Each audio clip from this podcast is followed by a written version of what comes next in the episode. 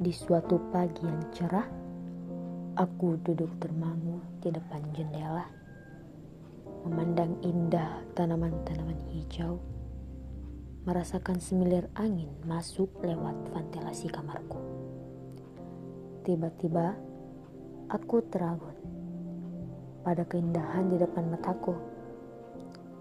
Aku baru saja melihat ia di sana. Ia yang selalu kudambakan. Ia yang senantiasa kulangitkan dengan doa.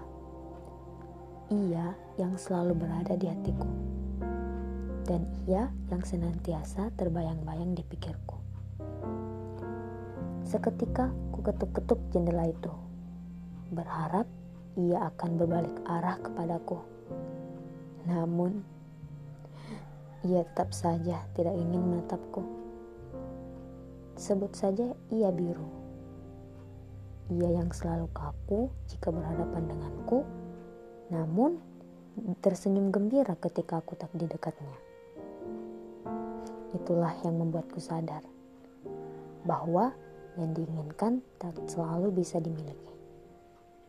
Perlahan aku pun menjauh, mengingat semua itu pasti ada waktunya biarkan semesta yang mengatur.